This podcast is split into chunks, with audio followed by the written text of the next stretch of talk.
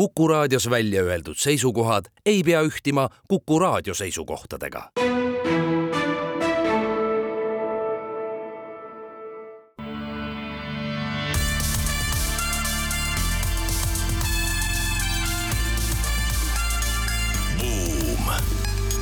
buumile annab hoogu SEB Pank tere päevast, on kahekümne teine november aasta kaks tuhat kakskümmend kolm, oleme taas eetris Buumi saatega, saatejuhid sedapuhku Ott Pärna ja Anto Liivat. uudisteploki avame aruteluga selle ümber, kuidas ikkagi äh, sündis suur segadus äh, OpenAI või chat-GPT bossi Sam Altmani lahtilaskmise ümber. Edasi räägime vanameistrist, Microsofti asutajast Bill Gatesist, kes on võtnud kätte ja kirjutanud pika loo sellest, kuidas me tulevikus hakkame arvuteid hoopis teistmoodi kasutama uurime, millised ikkagi võiksid olla erinevate kiirendiprogrammide, sealhulgas äh, ettevõtete kiirendiprogrammide voorused ja väljakutsed. ja kuivõrd tehisaru on nii kuum teema, siis vaatame otsa, kuidas tehisaru võiks liidrite tööd muuta. meie tänane saatekülaline on SEB Baltikumi strateegiaüksuse juht Andra Altoa, kellega me räägime ärikiirendite teemadel ja äh, uurime ka seda, kuidas ajujahil läinud on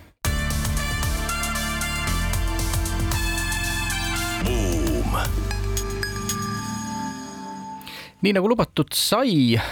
ei saa üle ega ümber kõigepealt kogu sellest segadusest, mis on alates möödunud nädala reedest äh, toimunud äh, OpenAI või äh, chat GPT bossi Sam Altmani ümber, tegemist on ühe kõige kuumema nimega kaasaegses tehnoloogiaäris,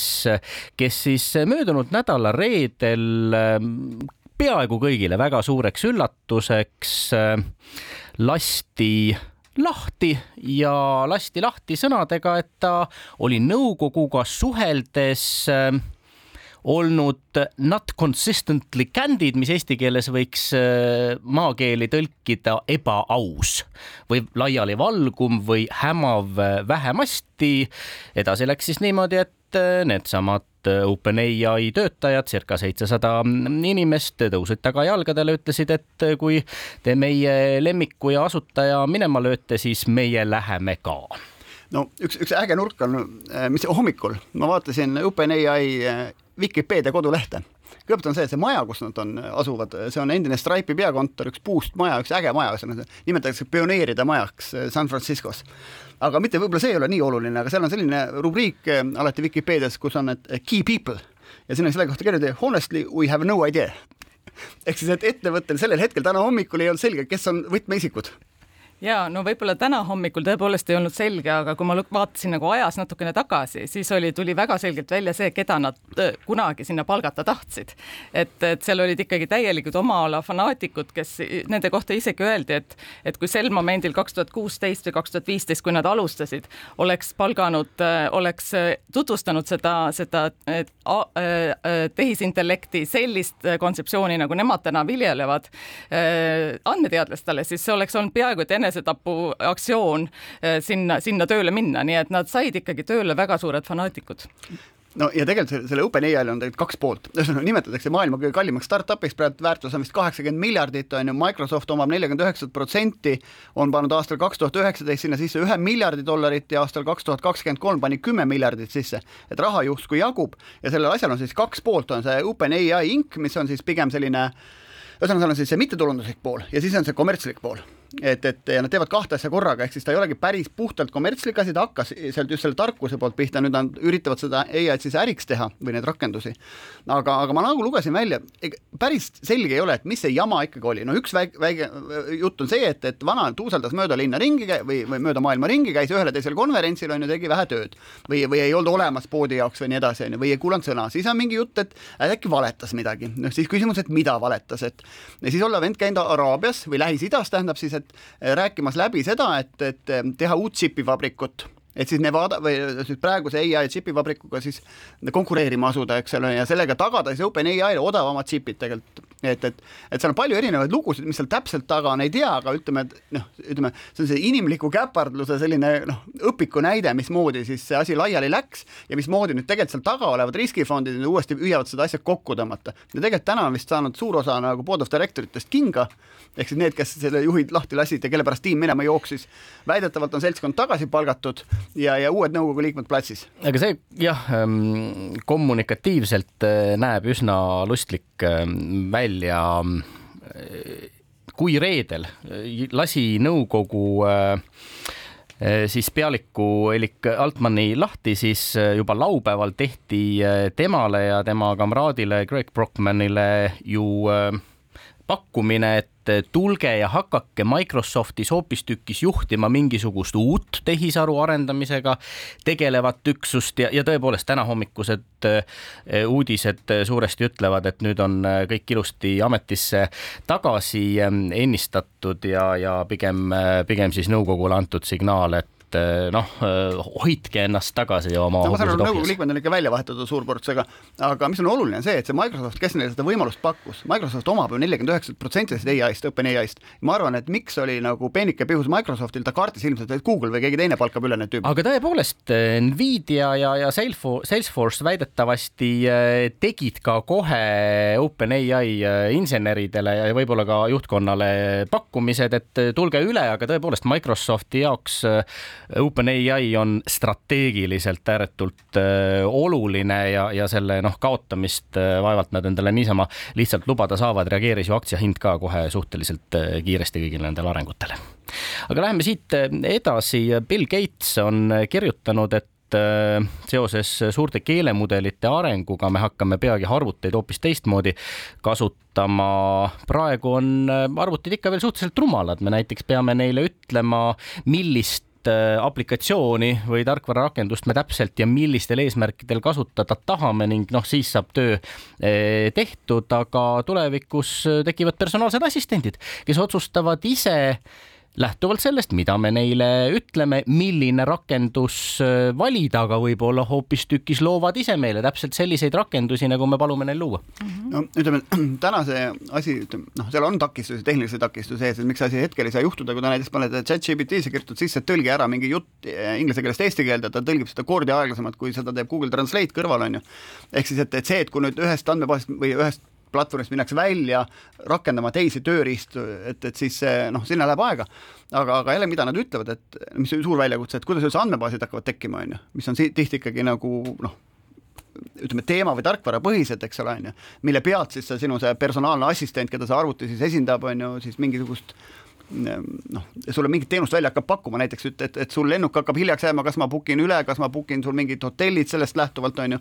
ja kas ta suudab teha ennetavalt, et seal on noh, ütleme tehnilisi väljakutseid on, aga Bill Gates jah, selle kirjatüki on kirjutanud, kuidas siis nii tervishoidu, haridust kui kõiki valdkondi põhimõtteliselt hakkab see nii-öelda arvuti näol eksisteeriv personaalne assistent äh, mõjutama. ja, ja kui me nüüd seome need kaks asja kokku, et kus Bill Gates näeb seda kõige suuremat rakendust, haridus, tervishoid äh, ja, ja meelelahutus, äh, reisimine või võib-olla, aga need on ka tundlikud andmed, et, et ma arvan, et see on päris suur väljakutse, millega silmitsi seistakse. teiselt poolt ma olen väga nõus, et, et see, need praegused assistendid on ikkagi suhteliselt sellised piiratud, et, et no nagu nad ütlevad, et praegune assistent tervishoius suudab äh, aidata siis perearsti selles, et ta selle jutu kirjutab näiteks ülesse, mida inimene sulle rääkis, on ju, et perearstile jääb see alles, hiljem siis midagi otsust teha. aga sealt järgmine faas on see, et see digitaalne assistent siis annab mingisuguse soovituse, on ju. üks asi jah, mis riskid sellega on seotud, aga aga kui need soovitused lahendused hakkavad meile tegelikult endale personaalarvuti näol noh, olema olemas, on ju. see tegelikult nagu suurendab teatud tüüpi teenuste kättesaadavust jällegi maailmas oluliselt, noh, tervishoiuteenus üks, siin ju, kes Rand Corporation tegi mingi uuringu, et pooled Ameerika sõjaveteranid ei saa mentaalse tervisega seotud nagu nõu, peaksid saama, ei saa eks, et aga kui nüüd see nii-öelda arvuti suudab ise sinuga nagu suhelda sellel teemal, mis noh, sinu kuidagi meelerahu suurendab, eks ole, ja, ja igasuguseid ebakindlust vähendab, on ju, et siis jällegi noh, psühhiaatrite kättesaadavus meil ka väga-väga raske, eks ole, on ju. see lihtsustab väga palju sellise teadmise või sellise noh, sparringpartnerite olemasolu siis inimestele, keda, kes nad, neid vajavad. no inimeste elu ikkagi peaks äh, tänu personaalsetele assistentidele vähemalt mugavamaks äh, muutuma, sest äh, kõik see, mis on täna kättesaadav eh, tippjuhtidele, kes näiteks tahavad äh, kuhugi äh, reisida ja, ja paluvad oma isiklikul assistendil korraldada lennukipiletid, majutuse ja, ja mis iganes asjad sinna juurde. tulevikus on kättesaadav noh, igale, igale inimesele peaaegu, kes kümmekond või, või paarkümmend eurot kuus on valmis ühele või teisele ettevõttele selle personaalse assistendi eest maksma, aga tõsi ta ju on, et assistent töötab seda nutikamalt ja, ja inimese ootustele vastavamalt, mida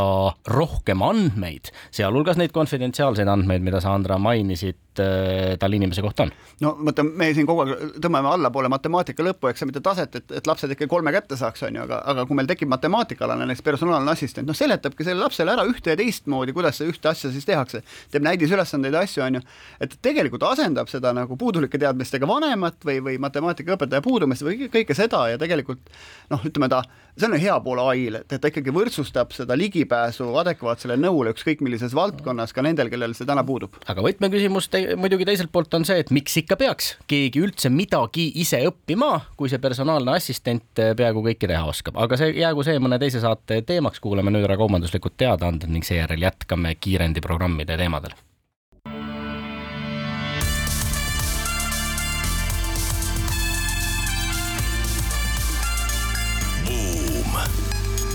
buumile annab hoogu SEB Pank oleme tagasi Buumi eetris, saatejuhid Ott Pärna ja Anto Liivat ning meie tänaseks külaliseks on SEB Baltikumi strateegiaüksuse juht Andra Altoa. räägime nüüd ärikiirenditest. meie saate esimese ploki kangelane Sam Altman, chat-GPT pealik, tegelikult on ka kunagi kiirendit juhtinud ja juhtinud sellist kiirendit nagu Y Combinator, mida peetakse maailma esimeseks ja võib-olla kõige prestiižsemaks äh, kiirendiks. meil on siin tagataskust võtta ka üks teadusartikkel, mille on Augsburgi ülikooli teadlased oma uurimistulemuste põhjal kokku kirjutanud ning Nad eh, on analüüsinud enam kui kahesaja ehm, kiirendist eh, ja just korporatiivkiirenditest väljunud eh, iduettevõtte käekäiku ning ühena järeldustest jõudnud arusaamisele, et kiirendid, mis asuvad mõne suurema ettevõtte juures või on, on selle suure ettevõtte poolt loodud, aitavad aitavad äh, sellisel juhul, kui arendatakse ettevõtteid, mis on et suure ettevõtte põhitegevusega seotud, jõuda headel äriideedel kiiremini turule, ka kiiremini äh, kasvada, aga teiselt poolt äh, võivad olla riskikapitalistid ettevaatlikud seda tüüpi startup'ide suhtes, mis siis mõne suure ettevõtte tiiva alt välja kasvavad. kuidas sulle, Andra, paistab, miks riskikapital kardab neid nii-öelda korporatiivselt sünnitatud idusid? ma arvan, et siin on kaks poolt, et ühelt poolt äh, loomulikult see strateegiline match või strateegiline kokkusobivus peab olema selle väiksema ja suurema vahel, et, et see võimaldab äh, testida, see võimaldab ekspertiisile ligi pääseda. teiselt poolt see teatud mõttes võib piirata sellist skaleeritavust. et kui sa väga üritad enda ettevõttele kohandada seda lahendust, siis, siis tegelikult sa paned piirid ette ja ma arvan, et see on see oht, mida, mida investorid näevad. et, et kui ta jääb väga piiratuks, see lahendus ette, ühe ettevõtte äh, vajadustele vastavaks, siis, siis äh, järgmist turgu, järgmist, järgmist äh, hüpet leida on selle võrra keerukam. kas seal võib äkki olla ikkagi ka see hirm, et suur ema, kes selle idu sünnitas, jätab midagi rääkimata, jätab mingisuguse sellise oskusteabe enda kätte, mis tulevastes arengufaasides võib selle idu arengut piirata ja seetõttu riskikapitalistid ei julge nendesse korporatiivsetesse idudesse vähemasti väga palju raha paigutada. ma ise seda aspekti nagu ei osanud, osanud sisse tuua, ma arvan, et ärikultuur või selline ärikeskkond suhteliselt avatud ja, ja tänapäeval midagi väga varjata on, on suhteliselt keeruline. nii et ma, ma seda võib-olla ei tähtsustaks, aga, aga tõepoolest, et, et eks riskikapital tahab kasvada ja tahab leida oma, oma kapitalile äh, väärtust noh, kui me, kui me vaatame, miks neid akselera-, akseleraatoreid või igasuguseid innovatsiooni uniteid tehakse suurtesse majadesse, ongi see, et, et sellest mainstream või põhiärist tegelikult eraldada ära siis see mingisugune uus asi ja sellele anda mingisugune tegevusvabadus, noh, võib-olla kõige klassikalisem näide on see Macintoshi division, mis Apple kunagi tegi, eks ju. aga kui me vaatame nüüd suure, maailma suuremaid korporatiivinkubaatoreid või need akseleraatoreid või kiirendeid, noh, et üks, üks näiteks on maailma suurimal õllefirmal on oma jätkusuutlikkuse teemaline akseleraator, eks ju, Toyotal on olemas, Toyota Europeal üks kiirendi Visa everywhere, et Visa rakendamine, ma kujutan ette, siis igal pool mingit tüüpi kiirend, eks on ju. Salesforce'il on maailma suurimal müügi, müügitarkvaraettevõttel on oma inkubaator, on ju, Nestlel inkubaator, et noh, ütleme üks asi on see, et sa hoiad kinni inimesi, kellel on mingi idee natuke põhitegevusest erinev, ta saab seda külje all teha, seal on korralik rahastus alati, alati, alati peal, eks võib-olla noh, talente enda ligi hoida ja ilmselt ka seda, et, et noh, parem on, kui need asjad tekivad ju meie katuse all, kui nad tekivad konkurendi juures, et siis olla ka võib-olla mhm. innovatsioonile, uutele arengutele ligi, et neid väikeseid pette teha, sest et korporatiivmõttes on nad ju odavad tegelikult. ja võib-olla üks mõte, miks neid ei taheta, nendesse ei taheta hiljem investeerida, ma kardan, et nad on liiga head elu elanud neil on olnud tegelikult ikkagi see korporatiivraha taga, mis on tegelikult ikkagi noh, mis on suur raha versus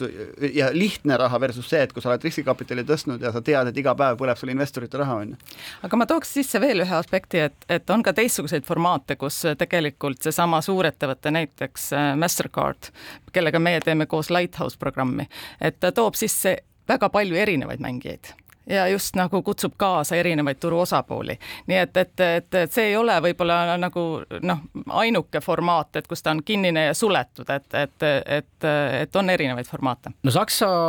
teadlaste uuring muidugi ütleb, et tuleks fokusseerida ja tuleks keskenduda sellele, mida emaettevõte oma põhiärina teeb või vähemalt, kus on tal tugev kompetents ja just ikkagi tuua need ühe valdkonna idud kokku, siis tekib sealt mingisugune omavaheline asjatundlik ja, ja tulemuslik äh, teadmusvahetus ja, ja innustatakse ka üksteist rohkem ja tekib ka selline eluterve konkurents vast, aga, aga noh, tõsi, Ott, äh, kuigi kiirendeid on ju valitsustel ja, ja on riskikapitali ettevõtetel, on ülikoolide juures, siis kõige rohkem on neid tõesti suurte ettevõtete tiiva all ja, ja noh, niimoodi on kiirendid kujunenud siin viimase circa viieteistkümne aastaga. Ähm, ärimaailma ja, ja kogu ettevõtluse ökosüsteemi üsna oluliseks osaks. kas neid on nüüd Eestis liiga vähe või liiga palju? Ähm, kuidas Andra paistab? no esiteks on see, ma arvan, et need kiirendid on eluaeg olnud, sest et tootearendusprotsess on ju ettevõtetes aset leidnud mingit tüüpi üksustes, on ju, nüüd on ta võib-olla formaliseeritud, kuidagi võib-olla ka juriidiliselt teatud asjad eraldi tõstetud, on ju, võib-olla noh, ma ei tea, sihiteadlikumalt tehakse ka äriga mitte otseselt seotud teemadel neid tegevusi, et võib-olla jah, see on nagu laiendunud, aga, aga tootearendus kui selline on ikka olemas olnud lennutööstuses ja igal pool mujal.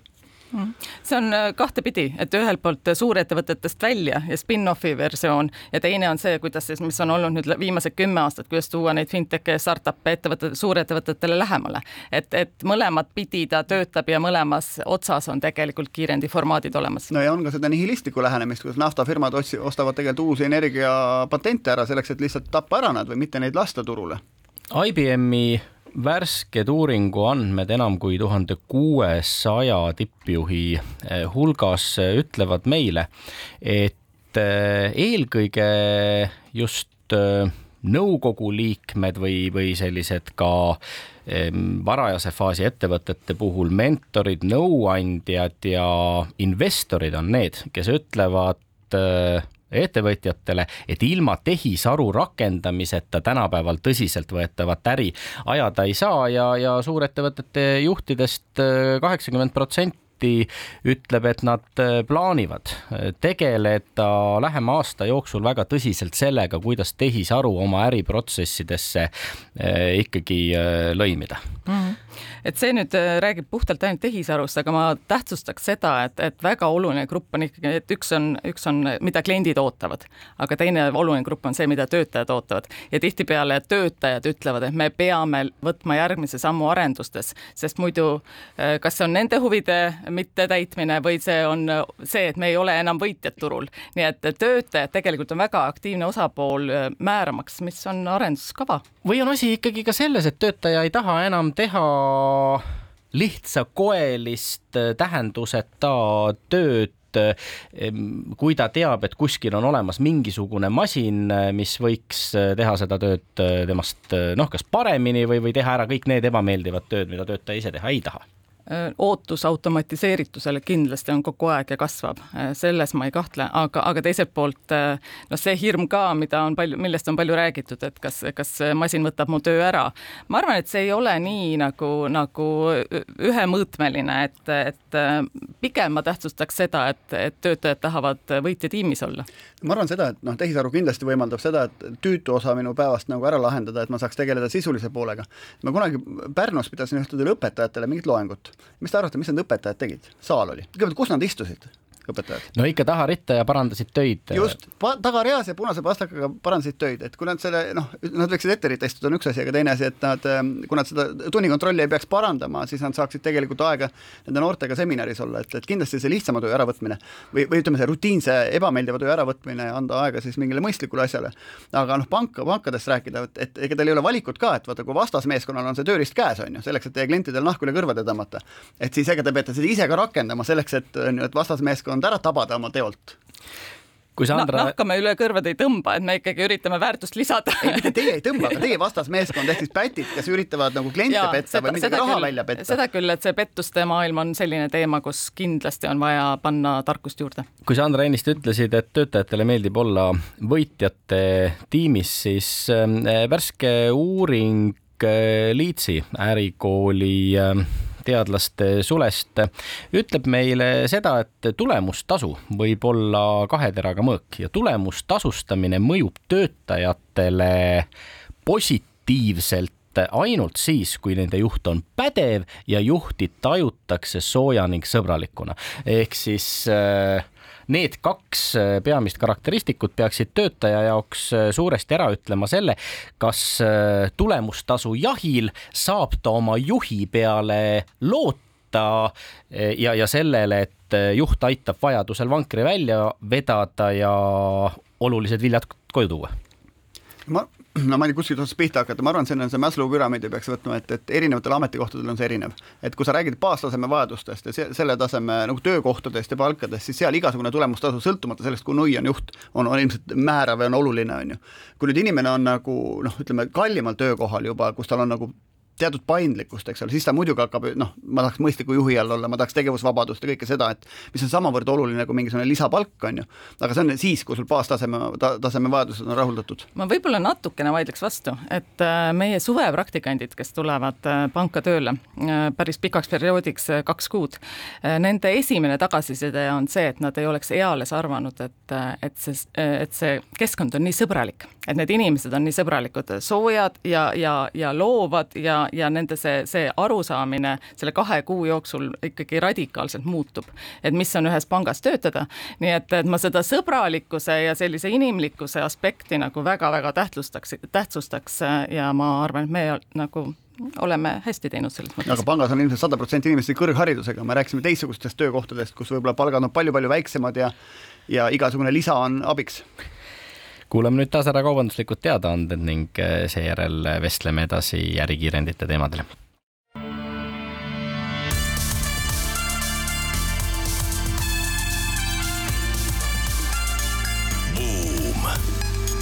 buumile annab hoogu SEB Pank oleme tagasi Buumi eetris, saatejuhid Ott Pärna ja Anto Liivat ning meie tänaseks saatekülaliseks on SEB Baltikumi strateegiaüksuse juht Andra Altoa. räägime nüüd ärikiirendite teemadel ja kiirenditele mõeldes küllap äh, eestimaalastel tuleb kõigepealt meelde ajujaht, mida juba väga palju aastaid on ka televiisoris näidatud. sa oled, Andra, olnud ajujahiga seotud algusest äh, peale. millal ja kuidas ajujaht Äh, alguse sai ja, ja kui palju kõigi nende aastate jooksul äh, see konkurss, kiirendi, inkubaator äh, muutunud ja arenenud on?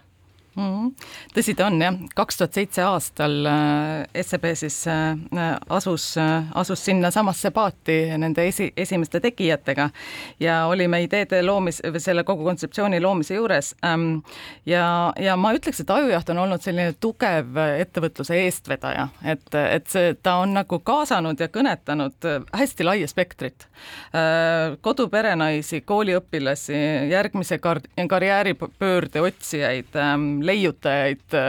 noh, et see, see spekter on olnud hästi lai, aga et kui ma nüüd mõtlen seda, et, et mis ta, mis see muutus on olnud aastate vältel, et kui ta esialgu oli selline ideede otsimise äh, koht, siis tänaseks ta on kasvanud ikkagi kiirendiks, äh, see, et ehitame need ettevõtted suureks ja otsime seda ühiskondlikku või sellist laiapõhjalist mõju ka, et, et, et me ei jääks sinna kümne ettevõtte juurde, nii nagu üks keskmine Eesti ettevõte on, vaid et tekiks suured kasvavad ettevõtted, kus on tööl sajad inimesed, inimesed ja ollakse kasumlikud ja, ja ollakse omakorda valmis panustama Eesti elus kultuuri, haridusse, sporti ja nii edasi. kui palju selliseid ettevõtteid nüüd siis tekkinud on, kus on tööl sajad inimesed ja kes kõik teevad eh, seda, mida sa just mainisid? ma ei oska anda neid numbreid, mul ei ole tõesti neid numbreid siin käepärast võtta, aga, aga, aga noh, me teame, et, et kogu startup valdkond on ikkagi juba märkimisväärne osa Eesti eh, kogu majanduse ka, eh, produktist, et et ma arvan, et see efekt, mida Ajujaht on loonud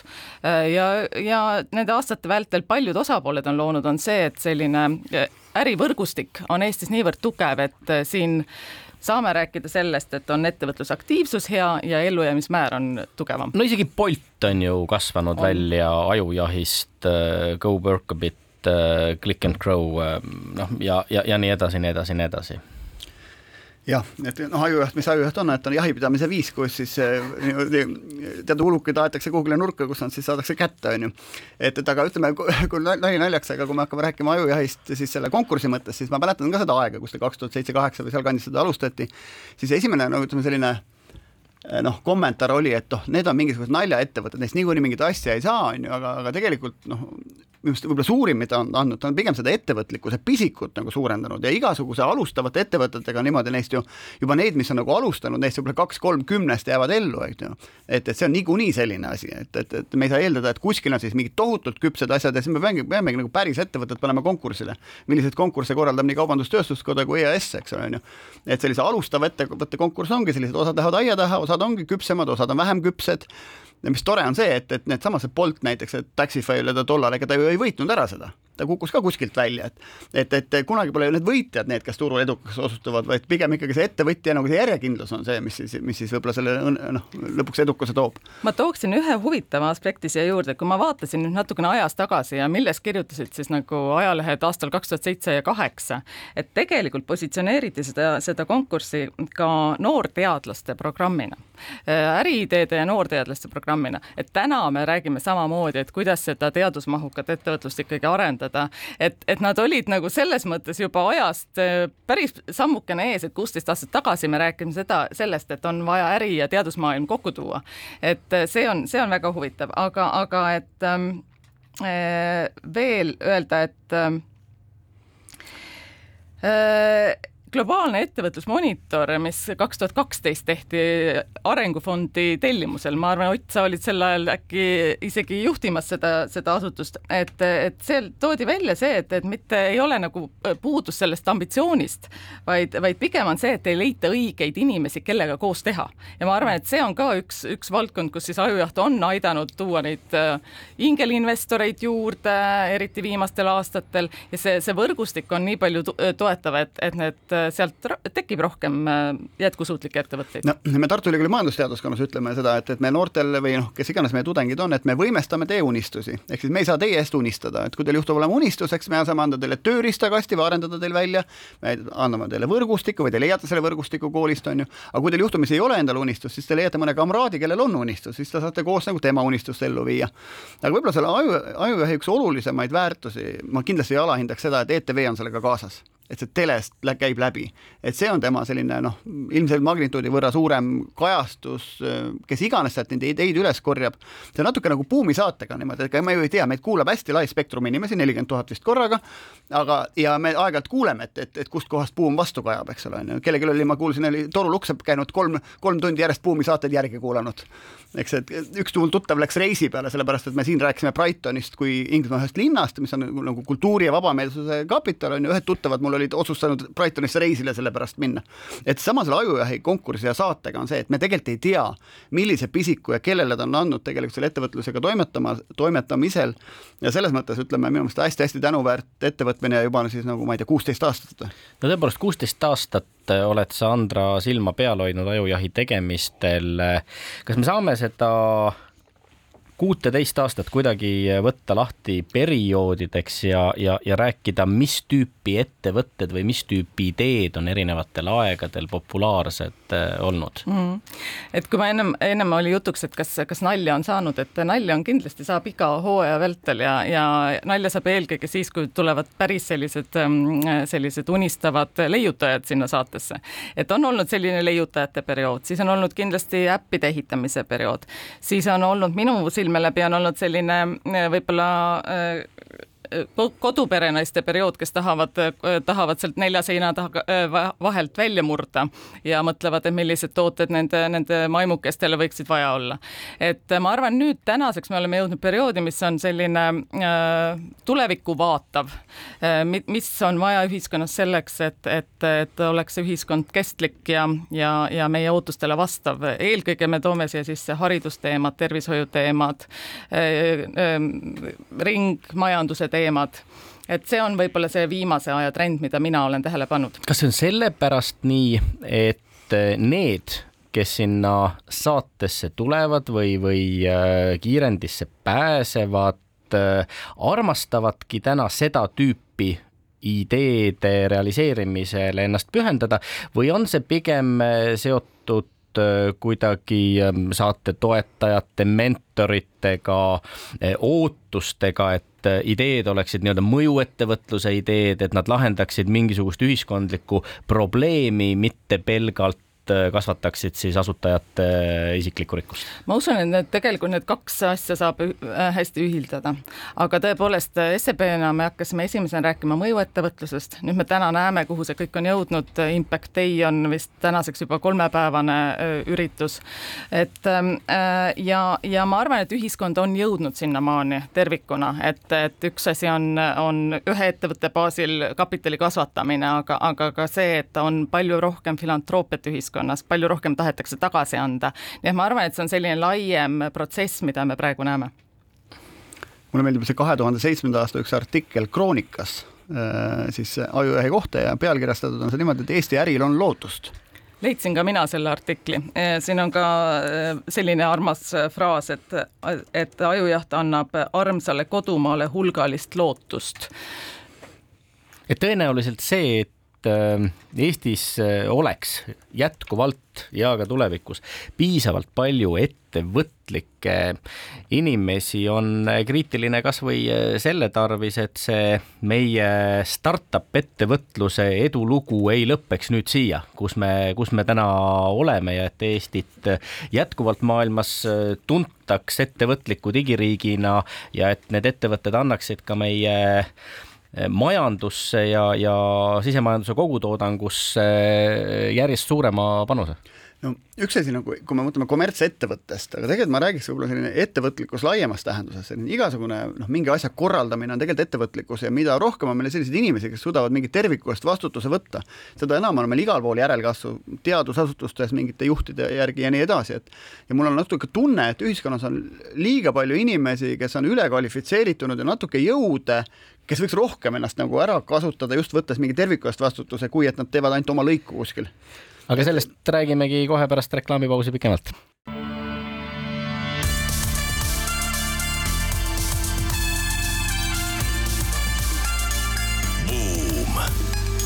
buumile annab hoogu SEB Pank oleme tagasi Buumi eetris, saatejuht Ott Pärna ja Anto Liivat ning meie tänaseks saatekülaliseks SEB Baltikumi strateegiaüksuse juht Andra Altoa. räägime ärikiirenditest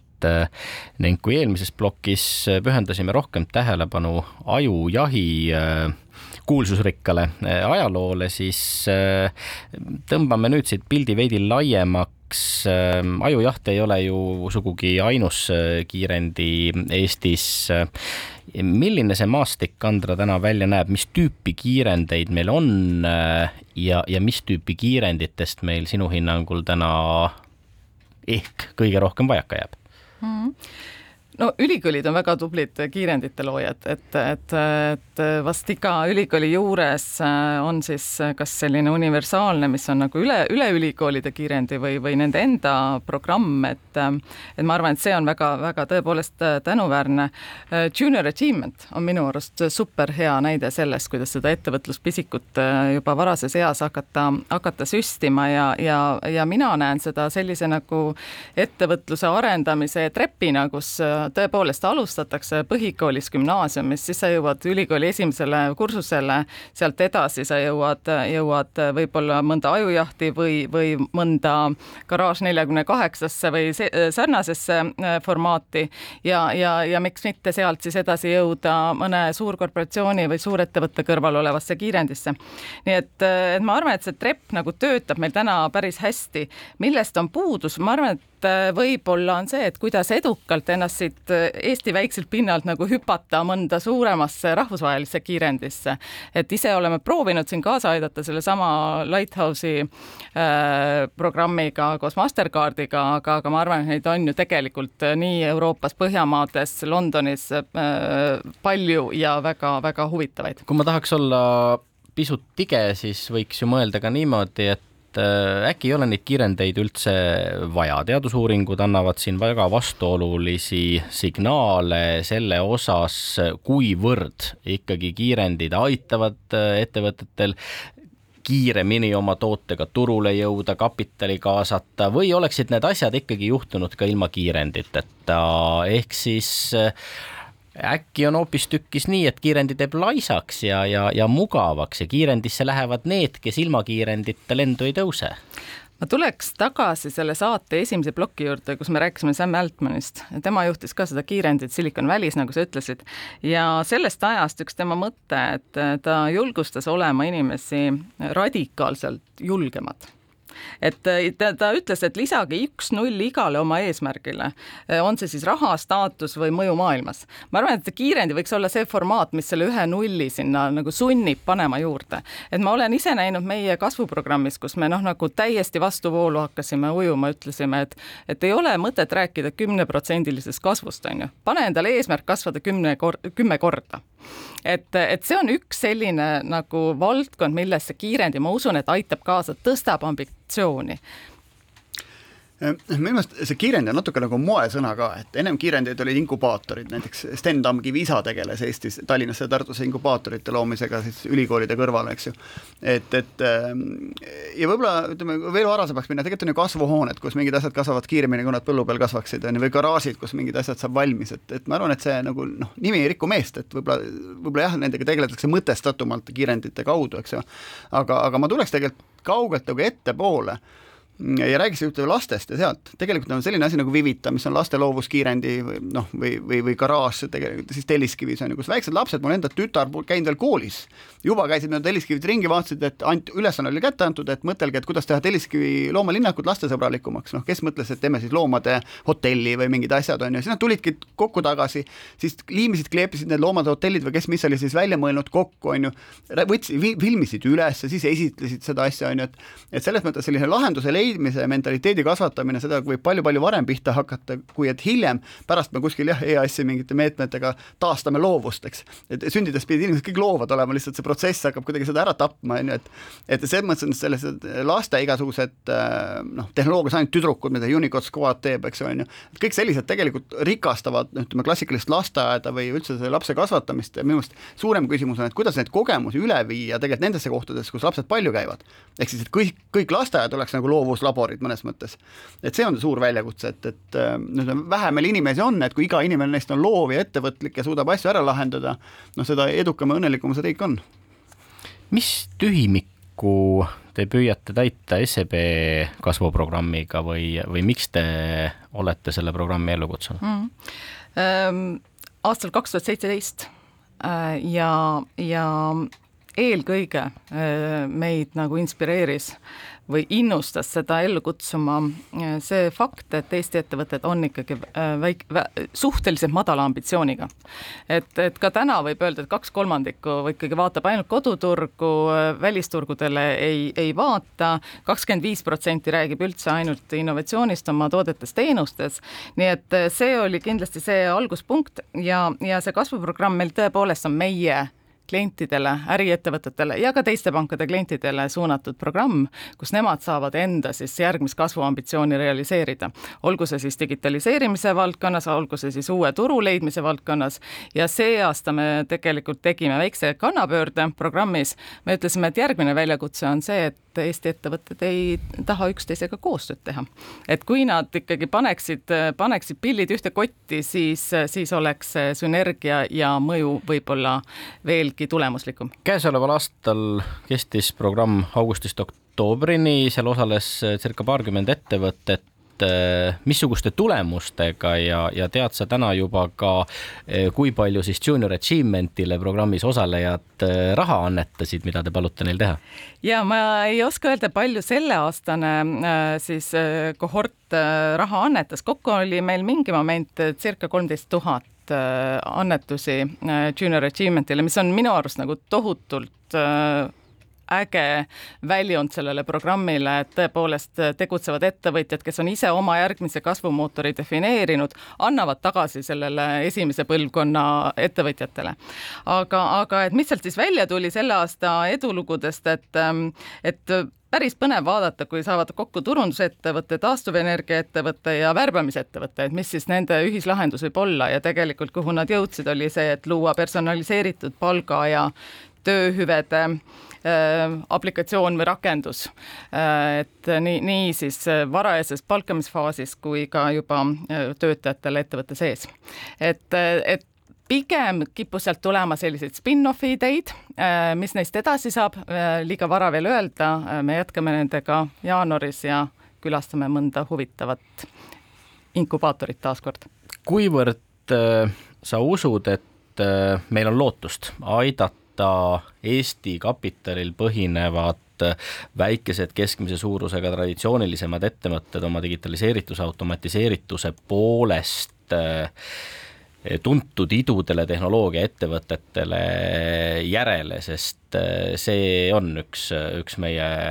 majanduse ja, ja ettevõtluse olulisemaid väljakutseid. ma arvan, et peab olema selliseid visiooniga inimesi, nagu me siin rääkisime Sam, Sam Altmanist, eks ole, kes oma läbitungivate silmadega juba suudab su,, suudab ära veenda, et on õige asi. et, et ühelt poolt, et peab olema selline laiapõhja, põhjaline ettevõtlusinnukus, teiselt poolt peavad olema sellised säravad liidrid. et sellisel moel ma arvan, et on ja teisest küljest ma näen, et, et ka paljude ettevõtete sees, kus me võib-olla avalikus pildis ei näe, juhtub väga palju huvitavat. ma olen ise mentoriks ühel ettevõttel, ähm, laevainseneeriaettevõttele EAS-i programmis, täiesti uskumatud teod, mis toimuvad. no mentoritest rääkides, siis äh teises uudisteplokis viidatud äh, saksa teadlaste uuring ütles muuhulgas seda, et kiirendit sealhulgas korporatiivkiirendit peaks ennekõike juhtima ettevõtluskogemusega inimene, kui me paneme sinna etteotsa pelgalt korporatiivmaailma kogemusega inimese, siis need kiirendid ei pruugi nii häid tulemusi äh, anda. kuidas teie mentoreid äh, valinud äh, olete? Ja ma olen sellega nõus, et see ettevõtluskogemus kindlasti rikastab, et, et aga, aga, aga noh, nii nagu ka, et ei, ei saaks nagu vastandada seda ettevõtlusmaailma ja korporatiivmaailma, et, et korporatiivmaailmas ikkagi on, iga projekt on üks, üks omaette startup seal maja sees, et, et ma arvan, et see selline oma, oma DNA-lt on need inimesed väga sarnased. ehk siis ärijuhi ja ettevõtja profiili vahe ei pruugigi olla nii suur, kui, kui me tihtipeale ette kujutame. mina ei võimendaks seda küsimust et hea oleks, kui, kui iga ettevõtja eeviks ka ärijuhi kompetentse ja, ja iga ärijuht oleks no vähemalt mingilgi määral ettevõtlik. jah, ma olen sinuga väga nõus meie saateaeg eh, siin täna hakkab eh, kahetsusväärsel kombel ümber saama. aitäh, Andra Altoa, SEB Baltikumi strateegiaüksuse juht, meile saatekülaliseks eh, tulemast. hea uudis on see, et Buum on eetris juba täpselt nädala pärast, siis uued uudised, uued jututeemad. aitäh kuulamast ja mõnusat nädala jätku